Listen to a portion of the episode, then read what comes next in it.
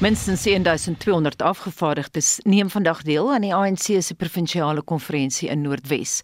Lede van die tussentydse provinsiale en streekskomitees mag egter nie stem nie.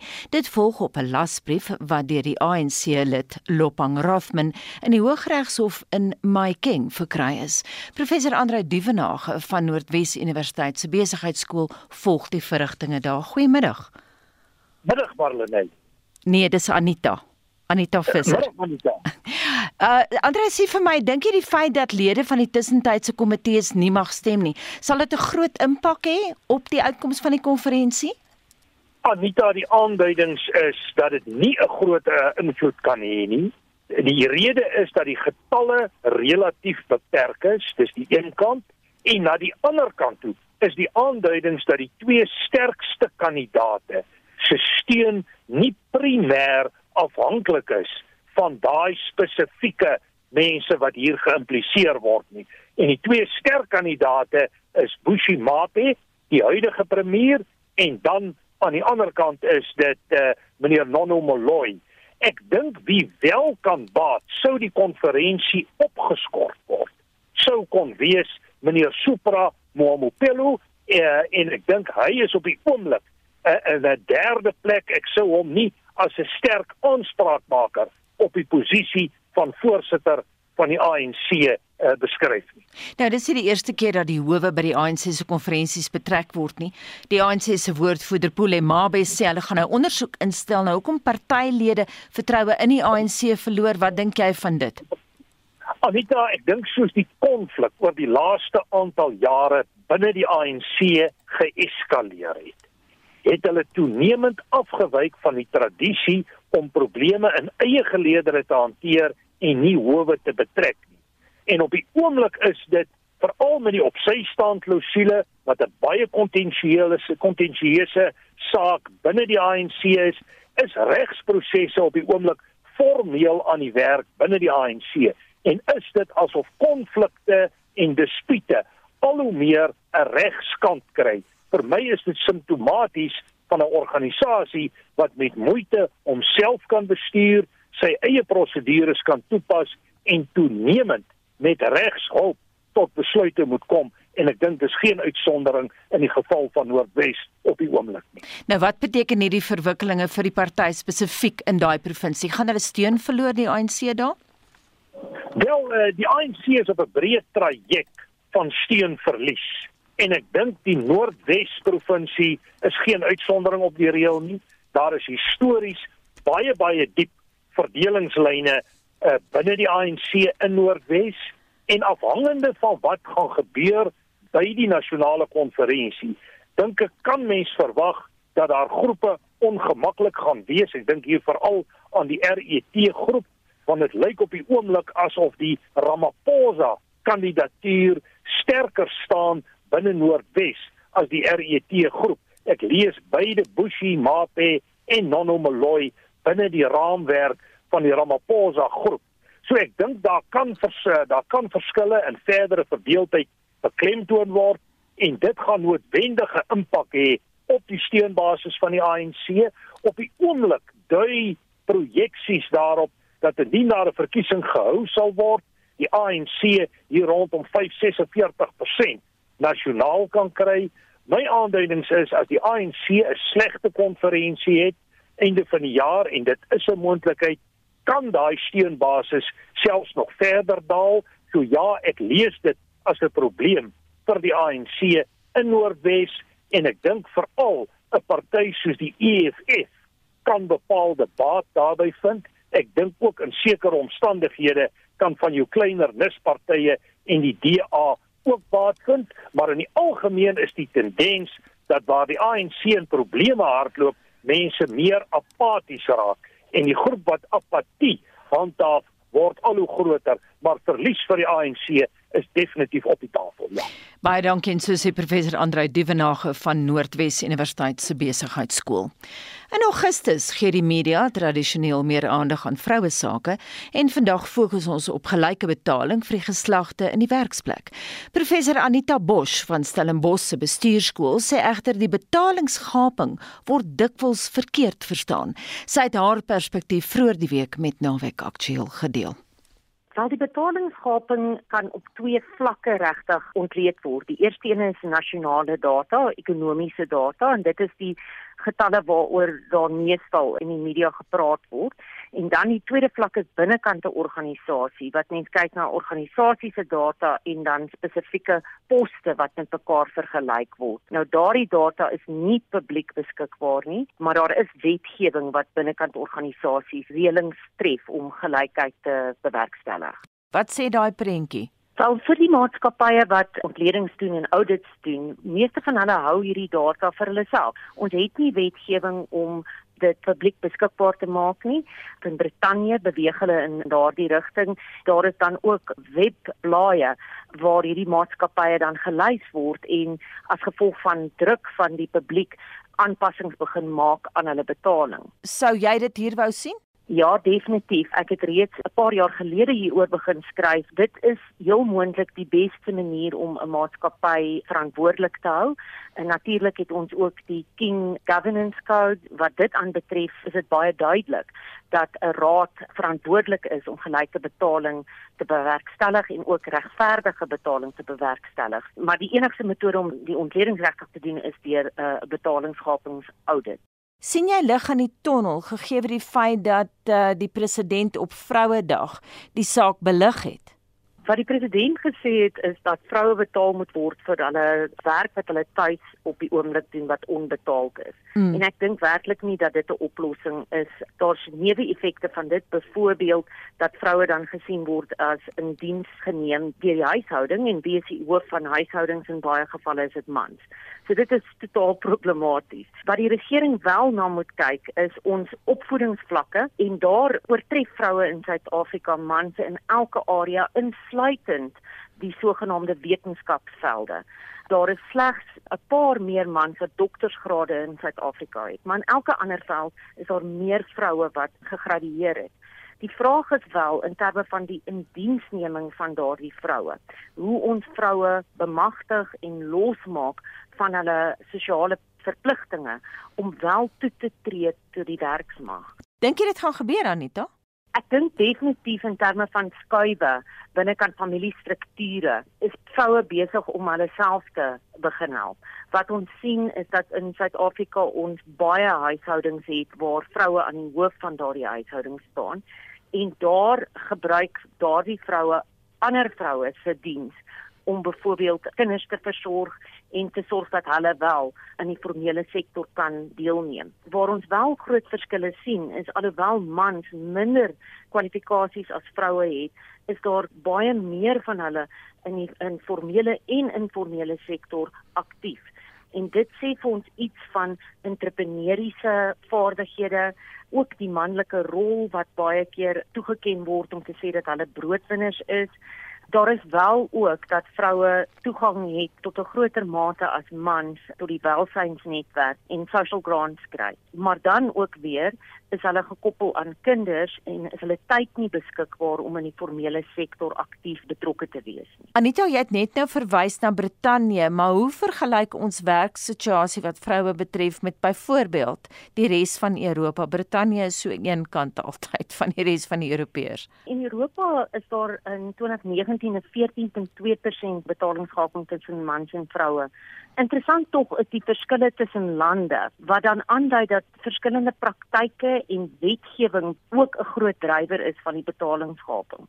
Byvoorbeeld Duitsland het die grootste betalingsgaping van meer as 20% en dan België en Roemenië het minder as 5%. Baie van die verskille word dan gedryf deur deeltydse werk wat baie in Duitsland aangemoedig word vir vroue sodat hulle dan tuis kan wees om kinders te versorg en waar daar dan ook verwag word van vroue om hulle werk op daardie manier op te neem. en dan ook lei dit daartoe dat vroue alhoewel hulle ook in Duitsland snaaks genoeg hoër kwalifikasies as mans het, kan hulle nie toegang kry tot werk wat dan hoër betaal nie omdat hulle minder tyd in daai rolle spandeer het en dus minder ervaring het. So die nasionale beleide beïnvloed dan ook baie sterk die betalingsgaping. En so sê professor Anita Bosch van Stellenbosch se bestuurskool.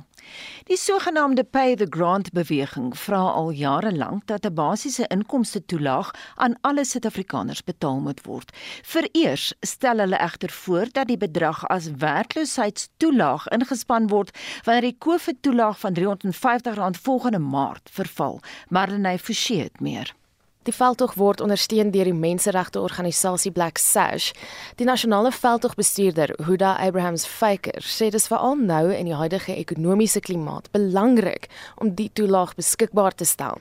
Nou die eintlike doel van die toelaag is om menswaardigheid te verseker wat toegang tot gesondheidsorg, onderrig en basiese dienste betref. Internationally there's been a call for a basic income grant and there are many pilot studies that have been done to illustrate the advantages of a basic income grant.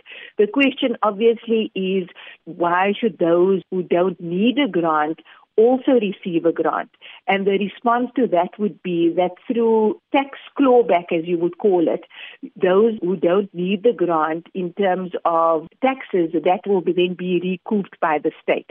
So only those who, who really need the grant will then receive it. Vir nou, plaas Blacksash agter druk op die regering om sy plig teenoor finansiëel vatbare Suid-Afrikaners na te kom.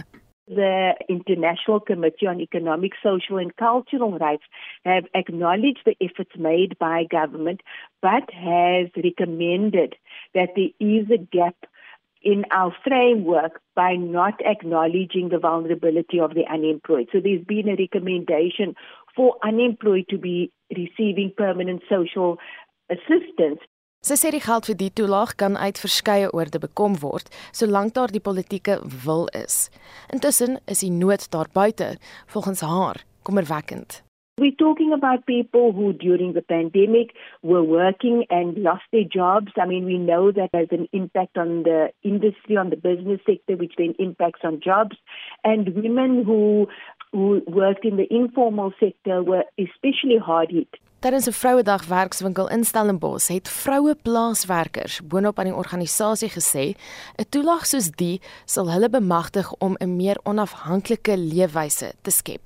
Women are financially dependent on men. In that context, it will be a buffer against gender based violence because women will then have the independence to be able to move on, exit a violent relationship. And that's just one of the examples. I mean, 350 Rand is very little. So we're not saying it's a silver bullet, but at least those who receive it have used it to perhaps become a little bit entrepreneurial and create more money with the 350 Rand that they have. Vir al vroue wat tuis moet bly om kinders groot te maak, sal volgens haar ook baat vind by so 'n toelaag. When you speak to a mother, women are people in their own right, but they also have a role of as caregiver that's attached to them and it's difficult to make that distinction because where they do get money they want to give it to their children but then they suffer at the end of the day in terms of health in terms of opportunities etc Dit was die menseregte organisasie Black Sash se nasionale veldtogbestuurder Huda Abrams Faker. Marlene Forsie is hy kan nuus. En ons bly by die kwessie en praat nou met CH Economics hoof ekonom Chris Harmse. Goeiemôre Chris. Goeiemôre Anita. Jy het net na die insetsel geluister. Wat dink jy van die voorstel? Anita, ons self gehad het dat dit 'n uitstekende voorstel gewees het. Ehm um, maar die vraag is sy sê daar is verskeie bronne waaruit hulle dit kan kry wat vir dit graag weet. Die enigste bron wat ons natuurlik op die oomblik het, is die begroting. Uh en die vraag is wat gaan die effek daarop wees? Ons moet ons moet eintlik ons moet eintlik ons moet eintlik 16 jaar teruggaan. As die Suid-Afrikaanse ekonomie net 18 jaar terug, as die Amerikaanse ekonomie sou kon voortgegroei het sedert ongeveer dieselfde groeikoers van 2002 tot 2005 sou hierdie gesprek nie eens plaasgevind het nie. So ek dink 'n mens moet gaan na die oorsaak, die hoë vlak van armoede, die hoë vlak van werkloosheid en nou sit ons dan. En nou sê hy 100% reg. Die hoë vlak van armoede meer as 10 miljoen mense wat net hierdie 350 rand basiese ehm um, uh, toelaag kry. Uh op hierdie stadium uh is dit al wat hulle kan kry, is alwaar afhanklikheid. Uh dit dit is alwaar hulle uh, uh, inkomste kan verdien.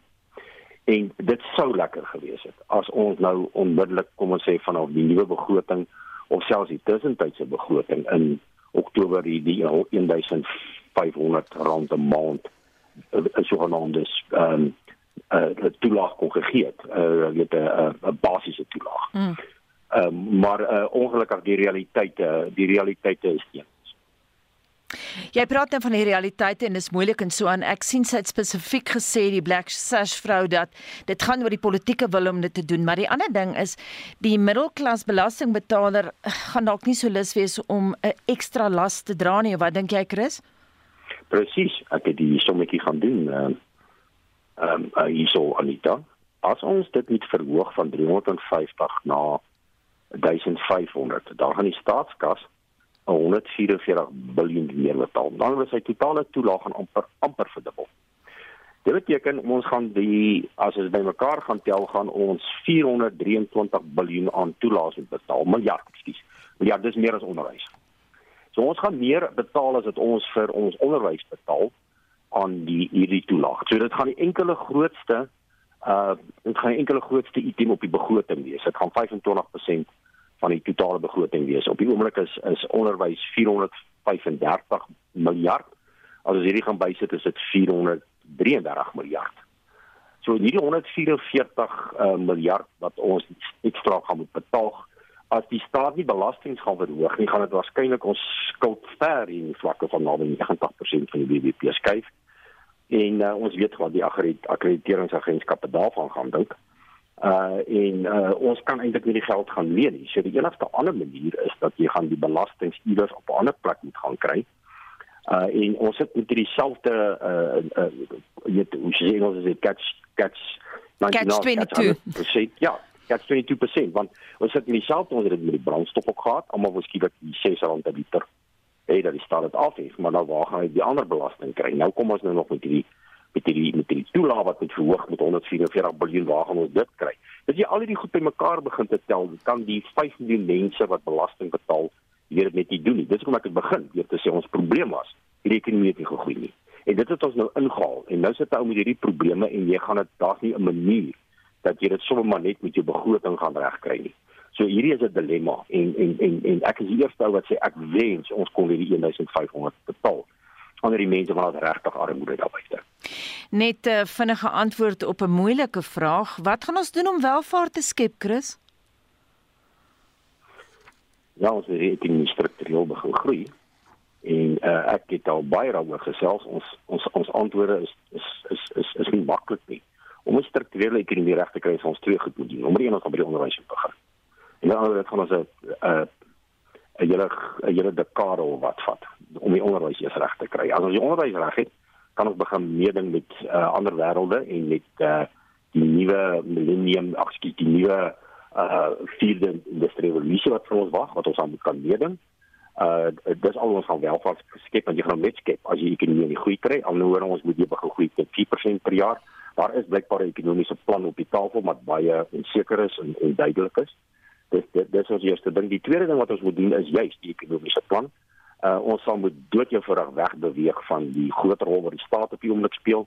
Die klein saakonderneming sal moet iets begin te doen en en, en dit is waarna mense moet gaan kyk. Ek weet hierdie beweging van die uh, kom ons sê privatisering van elektrisiteit. Ek wil nie die woord gebruik privatisering van Eskom nie. Jy gaan nie Eskom kan privatiseer nie, maar jy jy jy jy jy privatiseer die, die produk, die diens. Jy privatiseer elektrisiteit. Jy privatiseer nie die maatskappy nie. Mm -hmm. As jy daar's baie van daai gebiede wat sal moet plaasvind. Uh jy weet ons het al sulke berekeninge gedoen as jy byvoorbeeld sê alle nuwe besighede in die platteland uh wat mense begin uh gaan vir 10 jaar nie belasting betaal nie, gaan vir 10 jaar die BTW betaal nie. Mm. Byvoorbeeld, dit is een voorbeeld. Want dit is besighede wat jy gaan skep wat jy nie het op die oomblik nie. Chris, so, ons sal iets iets radikaal moet gebeur. Ons sal met Altro baie dankie dit dan uh, Chris Harmse van CH Economics. Die Australiese sangeres Olivia Newton-John se dood die afgelope week het die aandag geplaas op borskanker. Hieroor het naweek aktueel egter al dikwels berig. Meer bekend is dat Newton-John se beste vriendin, die sangeres Karen Carpenter, wat tesame met haar broer Richard 'n groot aanhang in Suid-Afrika het, aan anoreksia dood is. Sy is na 'n lang stryd met die eetversteuring op 4 Februarie 1983 dood aan hartversaking, 'n komplikasie wat verwant hou met anoreksia. Een van die land se voorste kenners oor eetversteurings, emeritus professor Christopher Zabo, voormalig van Wits Universiteit, maar nou in privaat praktyk, het aan ons verduidelik wat anoreksia presies behels. Basically what you're seeing is that the food intake is insufficient for the individual. It leads to weight loss and all of the consequences that emanate from that. What one tends to look at is body mass index, which is a measure determined by weight and height. Anything less than 17 starts to move you into anorexic territory. 18 to 20 is underweight, 20 to 25 is normal. Die toestand is egter relatief en die pasiënt se persoonlike geskiedenis en omstandighede word in ag geneem. Boonop het sekere kriteria vir die diagnostisering van anoreksia oor die dekades effe verander. It's variable. And previously, it used to be that if you were 15% below what you should be, that was one of the diagnostic criteria, but that's no longer the case now. They don't even use body mass index as a defining criterion for anorexia nervosa. 'n Feit soos 'n koe is egter dat die toestand se oorsprong sielkundig van aard is. The way in which they perceive themselves is inaccurate. So the so-called body image distortion together with an undue influence of shape and weight on how people think about themselves and an inability to actually recognize the seriousness of their condition. They do not experience themselves as being ill and requiring treatment. And so there is a lot of resistance, there is a lot of fear. So a lot of the initial intervention is really about trying to ensure that there's no further weight loss and trying to establish a, a trusting relationship with the patient, which is very, very difficult because at the end of the day, what you're trying to get them to do is something they are absolutely fearful of. Dis vir medisien nie maklike pasiënte om te behandel nie, maar sê professor Zabel, daar is hoop. It's something which will resolve as you get weight restoration and you start to then appreciate the complexity and the difficulty in dealing with anorexic patients because you're trying to get somebody to restore weight when when they look at themselves subjectively they see themselves as being overweight even though they aren't. Are they treatable then? Are there success stories? Oh yes, definitely. Die kruks van die behandeling is holisties van aard en moet ook familielede insluit. Remember a lot of the sufferers are adolescents and live at home. So you have to work with the families as well. This is not a one person problem. And usually the problem is indicative of more systemic issues within the family system.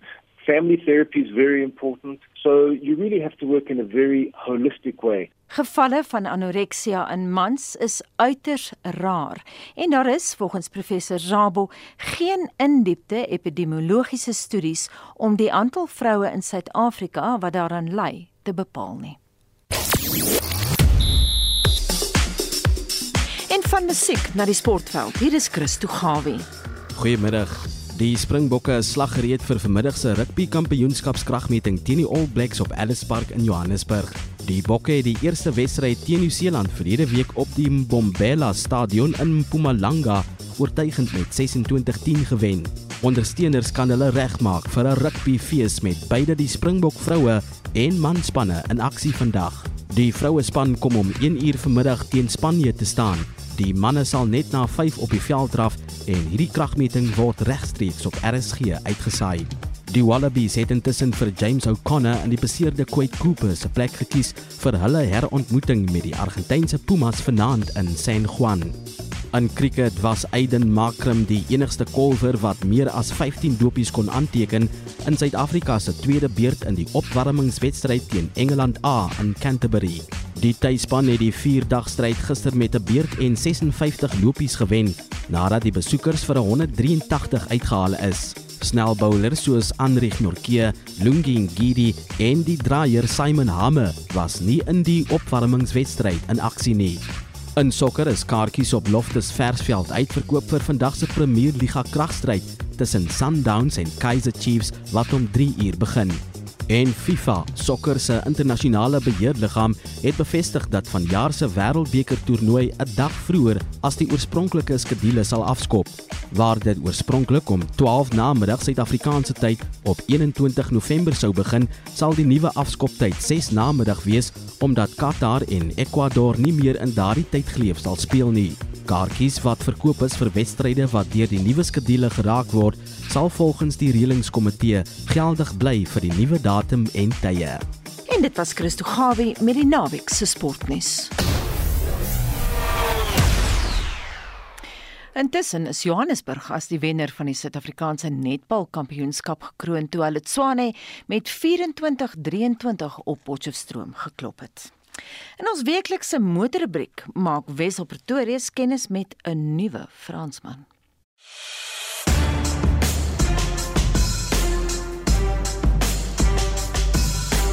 Die Renault Clio is al 22 jaar met ons en van die stuk of 80000 wat al plaaslik verkoop is, was byna die helfte van die aantreklike 4de generasie. Renault het dus nie te veel aan die 5de generasie Clio se voorkoms getorring nie wat pas sy opwagting plaaslik gemaak het. Steeds 'n coupe-vormige profiel, so van die kant gekyk met die agterdeure se handvatsels in die agterste pilare versteek en 'n breër stert ontwerp. Opvallend is die nuwe C-vormige hoofligte, 'n nuwe sierrooster en buffer. Ook groter LED agterligte en netjies geïntegreerde kroomafwerking en op my top intens model aantreklike 17 duim alloy wiele wat als en als vir 'n sportiewe en elegante luikerig sorg. Soos jy nader stap met die sleutel in jou sak, sluit die Clio van self oop en as jy uit die kar klim en wegstap, sluit die kar van self. Die Clio se ontwerp binne ook sportief en netjies. 'n Lekker fris leerstuur 'n groot sentrale skerm wat soos 'n A4 bladsy regop staan. Die kort ratiefboom staan relatief hoog en die instrumentasie is alles digitaal met verskillende temas afhangende van die bestuursmodus waarin jy jou bevind.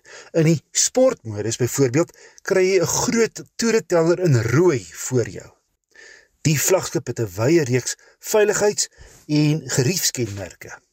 Soos baanwisselwaarskuwing, 'n selfoon laaistasie, klimaatbeheer en outomatiese ligte en reënveers.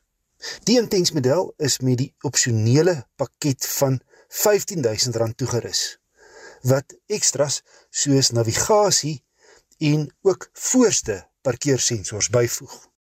Spasie vir die agterste insittendes en die kattebak is blootgemiddeld vir die klasryding.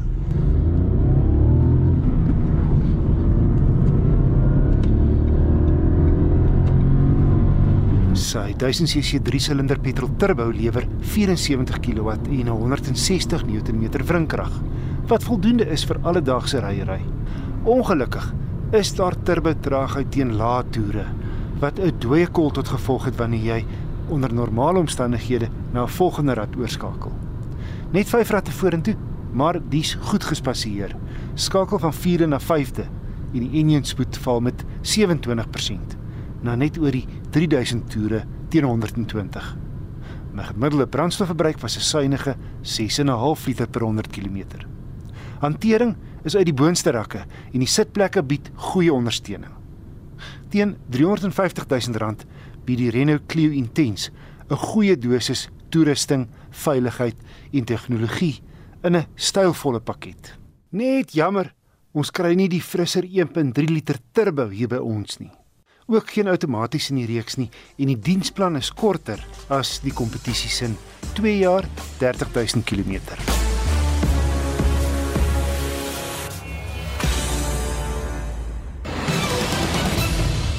Baie welkom by Naweek Aktueel. My naam is Anita Visser. Dis nou 12:40. Die winter is nog lank nie verby nie en 'n eisige naweek en selfs sneeu word vir dele van die Wes-Kaap voorspel. En ons praat nou daaroor met 'n weervoorspelling, uh, voorspeller liewer aan die Moederstad Henning Grobler. Goeiemiddag. Goeiemôre Anita en goeiemôre luisteraars. Henning, daar's nou al van gister af heelwat fotos van donker wolke en hoë duinings en so aan. En die eerste een het reeds gister getref, die tweede een is op pad. Wanneer bereik hy die kus? Ja, nie dat is reg. Hy eerste kou front gister deur beweeg. Hy het nou ooswaarts beweeg, lekker koud hier oor die hele binneland van die noord en die Weskaap en nou daai tweede kou front wat uh, ons beloof het gister lê hierso net suidwes van Kaapstad en uh, as ek so my kristalbal kyk dan dink ek gaan ons hierso teen so hier van twee se kant af gaan hy oor ons inbeweeg en dan sal hy natuurlik ons lekker reën bring en ooswaarts deur beweeg. So as so teen 2 3 se kant vanmiddag. Mhm, waar gaan dit sneeu? ja, wel ons geen 'n uh, kans vir sneeu om voor te kom. Is ongelukkig nie baie sneeu maar ligte sneeu behoort daar oor die Sutherland area, die hoogliggende bergreekse van die Wes-Kaap en dan behoort dit ooswaarts uit te brei na die Oos-Kaap se berge dit tot jy later vanaand na môre toe en miskien selfs die suidelike gedeeltes van Lesotho. Maar soos ek sê, ek dink nie baie sneeu nie, maar daarom uh, dit genoeg om die bergstoppe so uh, baie wit kleur te gee en dit natuurlik bring dit vir ons lekker baie koue toestande. Ja, absoluut. Ek wil nou juist vir jou sê ons Johannesburgers kry nou die afgelope tyd baie koud, so asof die winter nog geniepsig is. Hierdie omstandighede, ek praat nie net van die bo by ons nie, maar julle nou in die Kaap en die sneeu wat kom, is dit buitengewoon? Ons is amper amper by die lente is ons nie? Weet jy nie dan hier is glad nie buitengewoon nie. Dit moet eintlik nog koud en nat wees in die Kaap. Ons is in 'n droë seisoen in die Kaap. Ons het nog nie so baie reën gekry soos ons graag wou nie. Maar baie hier is normaal vir hierdie tyd van die jaar. Ons uh, kry hierdie koue fronte wat nog deur kan beweeg tot in Oktober se kant toe. Hmm. So ons ver, ons is baie bly oor hierdie front wat deurkom. Dit bring vir ons bietjie verligting wat reën aangewys. So ja, niks buite normaal vir hierdie tyd na die op die regte tyd op die regte plek. Henning, het jy vir ons minimum temperature? ek het en ek het uh, slegte nuus vir al die ouens in die suid uh, in die Noord-Kaap, die Wes-Kaap en dan Oos-Kaap en selfs die Vrystaat wat temperature heelwat gaan daal. Dit is al baie koud alreeds vandag hier oor die grootste gedeeltes. Nou met hierdie tweede koue front wat deur beweeg uh, nou vir laterburg is daar 'n lekker hoëdrukstelsel wat baie koud uh, lug hier oor die binneland gaan inbeweeg. En lyk my temperature val kwai na môre toe. Ons kyk hier so in Kaapstad met 'n gemiddelde maksimum van 13 grade, Sutherland op 'n eisige 7, dis nou maksimum grade en dan uh, daar na die Suid-Vrystaat toe. Dink ek gaan ons kyk met maksimum temperature hier rondom so 15, 13, selfs 12 grade op plek in die Oos-Kaap ook sommer lekker koud. Ek moet sê daar by julle in, in Gauteng en in die Noordwes provinsie, julle is hierdie keer gelukkig uh, die koue front gaan deur beweeg julle te heerlike toestande vandag daar met so lyk my temperature so rondom die mid tot hoë 20. Nou dit gaan net afkoel hier na die laat 20s toe môre uh, met 'n suidewinde wat gaan instoot. So definitief 'n verandering in die weer wat gaan plaasvind daar by julle, maar uh, julle is uh, is uh, vrygestel van die koue wat wat ons tref. Ek moet vinnig vra, ek is op pad in Mpumalanga toe. Gaan daar baie koue wees, jy weet Belfast se omgewing is altyd baie koud. Ag ek dink tog die minimum temperature gaan gaan eintlik maar die koue toestande uh, vir die koudste wees. Uh met uh, die maksimum temperature wat 'n paar grade sal afkoel na môre toe en dan daai minimum temperature. Ek dink maandagooggend oor die hele land gaan die minimum temperature aansienlik daal en selfs rytoestande kan voorkom hier oor die Vrystaat, die Wes-Kaap, die Noord-Kaap, die Oos-Kaap en dan begin dit sommer vinnig vinnig weer opklaar en ek dink alreeds hier teen Dinsdag se kan mooi weer toestande wat voorkom temperature wat geleidelik gaan herstel, maar ons het 'n dag of twee van koue uh of lae temperature wat gaan voorkom en baie koue minimums môre en dan ook sonde uh, uh, maandag. Nou ja, trek jou glasie sherry of wyn nader. Dit dan baie dankie. 'n Voorspeller by die Suid-Afrikaanse Weerdiens Henning Grobler. Die eerste deel van 'n sogenaamde Burning Planet of die sogenaamde Burning Planet ondersoek het bevind dat 56 miljoen rand wat werk moes skep in die Oos-Kaap wanbestee is.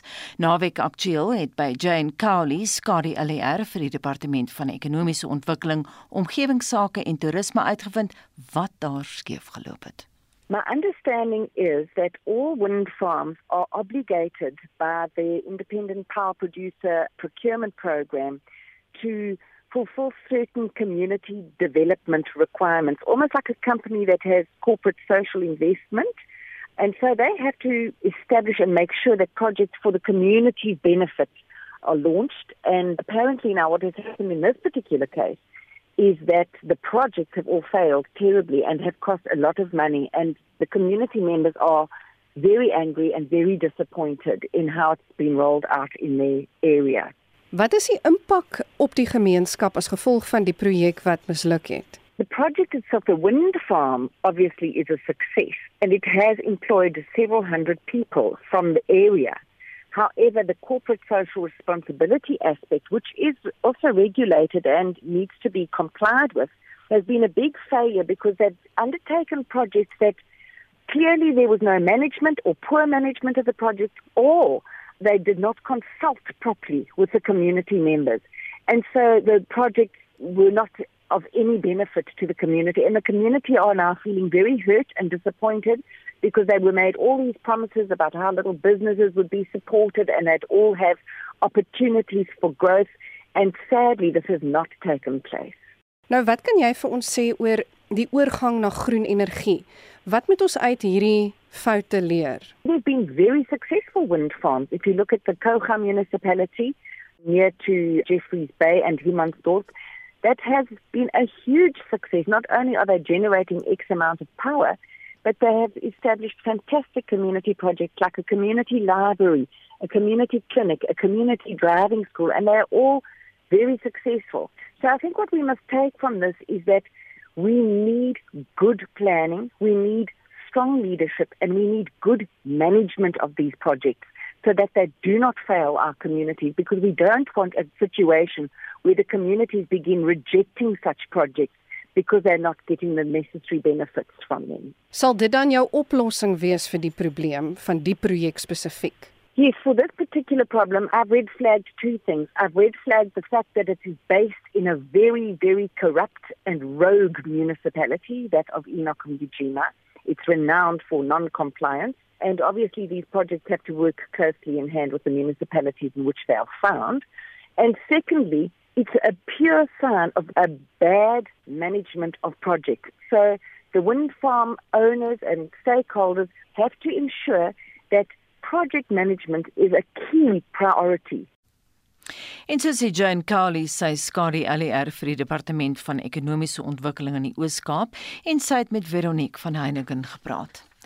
Die Wêreld Natuurlewe Fonds en die Netbank Groentrust het 'n inisiatief geloods om die vissersgemeenskap van Port St Johns in die Oos-Kaap te help om op volhoubare manier vis te vang.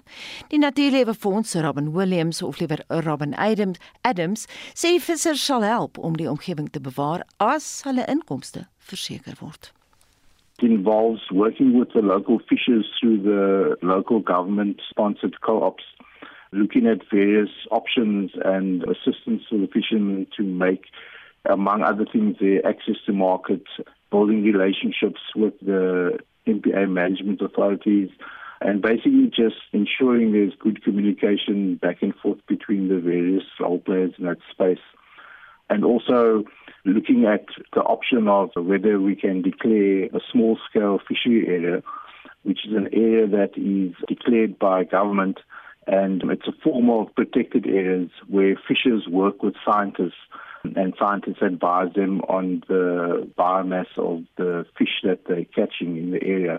And then they co-manage that area to ensure sustainability and long-term benefits for that particular species that they targeting. Nou gewoonlik, jy weet, is daar so half 'n twee spalt tussen om bewaring toe te pas en om vis te vang en dit as 'n kommersiële tipe praktyk te doen soos jy kan oorleef en geld maak. Hoekom so 'n projek en hoe gaan hierdie ouens saamwerk om seker te maak dat ons die gebied beskerm maar tog ook volhoubaar kan visvang? Okay, so op die oomblik is daar geen wetstoepassing wat Basically, when it comes to law enforcement, government is restricted through various things like lack of funding, lack of capacity, lack of feet on the ground to apply our conservation regulations.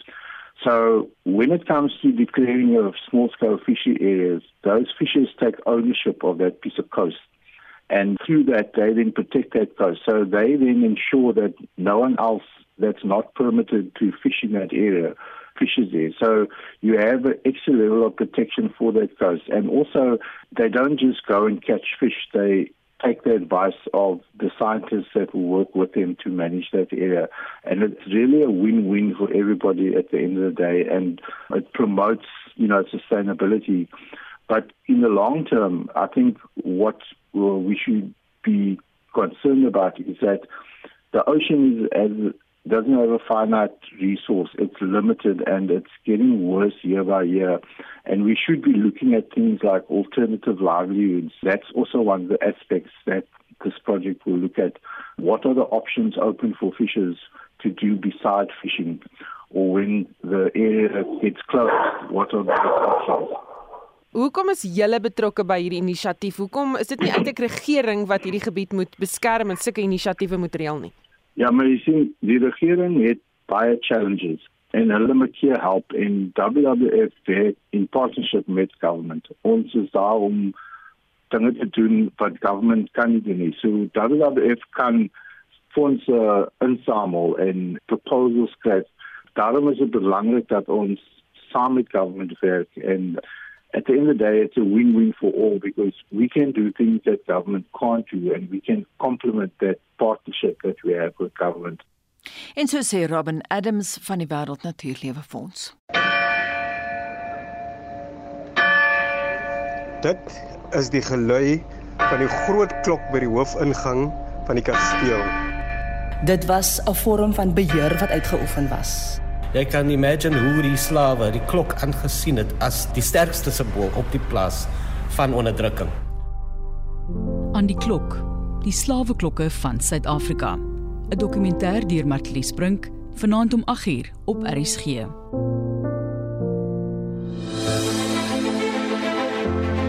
Op die 14de Augustus is dit Afrikaanse Taaldag en koop 'n Afrikaanse boekdag. Ons wil jou graag vra om 'n Afrikaanse boek te koop en so ons Afrikaanse skrywers te ondersteun. Jy sal spesiale aanbiedings kan kry op verskeie Afrikaanse boeke by winkels landwyd. So, kom ons doen ons deel en koop hierdie Sondag 'n Afrikaanse boek.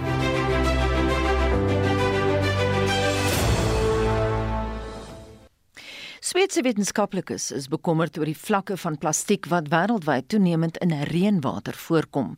Dis gepas dat die spesifieke navorsing spruit uit Stockholm Universiteit, want dit sluit aan by die Stockholm Konvensie van 2001 wat 3 jaar later van krag geword het. Professor Henk Bouman van Noordwes Universiteit se departement dierkunde was ten nouste betrokke by die proses, soos wat hy aan Naweek Aktueel verduidelik het. Ek was betrokke gewees met die onderhandelinge van die Stockholm Konvensie. Ek het tekste geskryf van die Stockholm Konvensie onder andere oor TDT, maar ek was ook betrokke gewees met die ontwikkeling van die proses, hoe die proses plaasvind om nuwe middels by te voeg. Toe die konvensie geteken is, toe sê ek gevra om lid te wees van 'n internasionale span om nuwe aansoeke te evalueer en aan te beveel na die konvensie toe. En die konvensie dan wat bestaan uit nou seker 154 lande, moet dit dan goedkeur of afkeur. En PFOS was een van hierdie nuwe middels gewees wat bygevoeg is. Ek dink Swede het dit voorgestel. Ek was betrokke gewees met die onderhandelinge. Ek het ook eintlik positief gestem dat dit wel verbân word. Die kruks van Stockholm was om die gebruik van toksiese plastiek te verminder. Die teiken was PFAS, onder wetenskaplikes bekend as die per- en polyalkyl substansie wat sterk chemiese verbindings het en hoogs toksies is. In kosmetika word dit baie gebruik. 60 tot 80% van die verskillende kosmetika wat ek nou gaan noem, bevat hierdie goed. Lipstifie, oogpotlood, mascara, onderlaag, lipbevochtiger, naalak, losser. Nou hierdie goed word dan ook direk opgeneem deur die vel, deur die tandkliere en as jy nou goed op jou lippe sit, kan jy dan selfs insluk. Dus hierdie blootstelling daaraan is geweldig hoër as byvoorbeeld as jy net 'n bietjie reënwater drink. Nou wat van mense wat elke dag byvoorbeeld mascara gebruik? Hoe lank sal dit jou moet neem voordat dit vir jou gevaarlik word? Want jy praat ook van oogpotlood, dis goed wat vroue elke dag gebruik. Dit is ook korrek en daai navorsing is nog nie gedoen nie. Daar's soveel van hierdie middels. Een database sê 4730 verskillende chemiese samestellings, die ander een tot 10000. En dit word geweldig baie plekke gebruik. En soos professor Bouman waarsku, maak die moderne samelewing staat op die soort plastiek ten spyte van die toksiteit daarvan. Jou springmielies wat jy maak wat jy pop in die mikrogolf, daai papier wat dit in is, steek hierdie middels in sodat die papier nie pap nat word nie, maar nog steeds aan sy effek kan hê. Daar is soveel aerosols verwe, elektronika, snoeppolitoer. Baie van die goed is minder toksies, ander is meer toksies. Die uitdaging is om hierdie goed nou verband te kry of beperk te kry.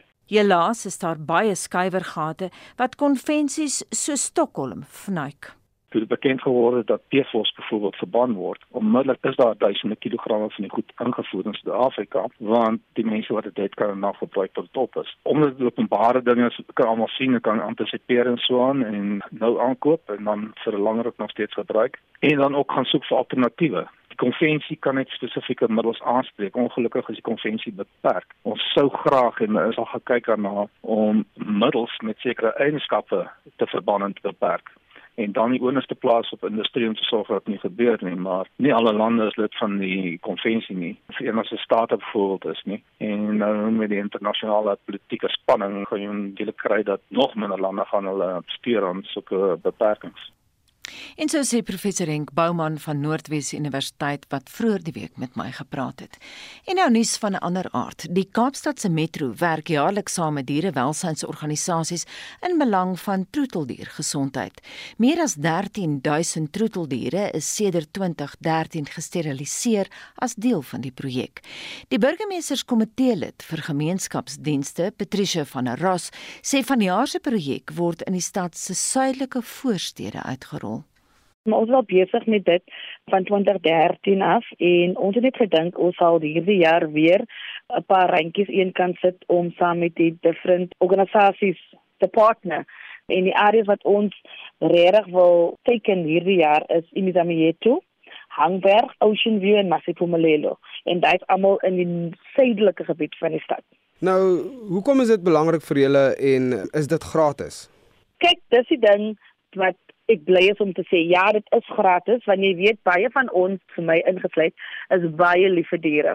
Ek het myself twee honde en 'n kat en soms baie baie duur om vir hulle net hulle jaarlikse check-ups te gaan doen of hulle jaarlikse inspuitings te kry en dit is gratis. Die sterilisasie is 'n sleutelfaktor in veranderinge en jy weet troeteldiere soms het persone het die die geld hier nou laat hulle hulle troeteldier net so gaan en dit kan as jy kan sê as jy tiener aanspreek unwanted pregnancies veroorsaak en soms siektes wat wat ons wil try om te voorkom. Ons wil nie hulle met siek raak nie. En ons wil ook die ouers die bewaarders ons wil hulle sê luister ons bied dit aan vir julle.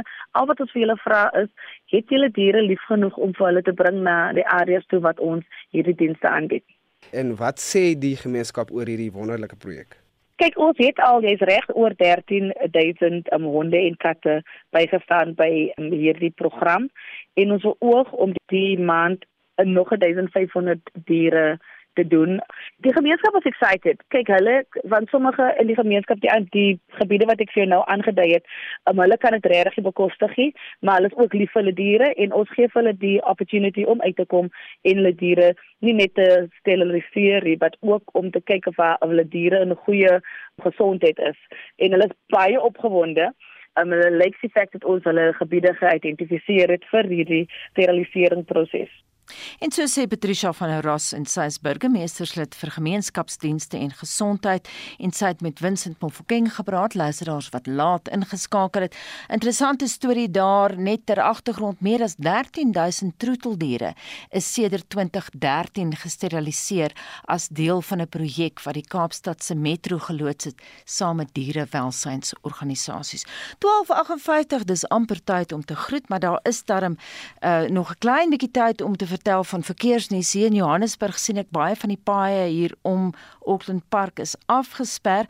Daar word 'n groot konsert gehou by die Emerentia Botaniese Tuin en daar word verwag dat daar 14000 mense gaan wees en ewige verkeersvertragings word in daai hele gebied verwag. So indien moontlik, maak alternatiewe planne, maak gebruik van alternatiewe roetes. En dan is daar nog verkeersnuus. Ek sien nou op Twitter 'n voertuig het aan die brand geslaan staan in Gauteng en dit is op die N1 Suid na Ellendale weg en die linkerskouerbaan is versper. Ons moet groet vandag se span was die uitvoerende regisseur Nicoline de Wee, die vrou in die warm stoel vanmiddag Madeleine Forsie, ons produksieregisseur JD Labeskagni en uh, natuurlik Frikkie Wallis ook as bystand en ek is Anita Visser.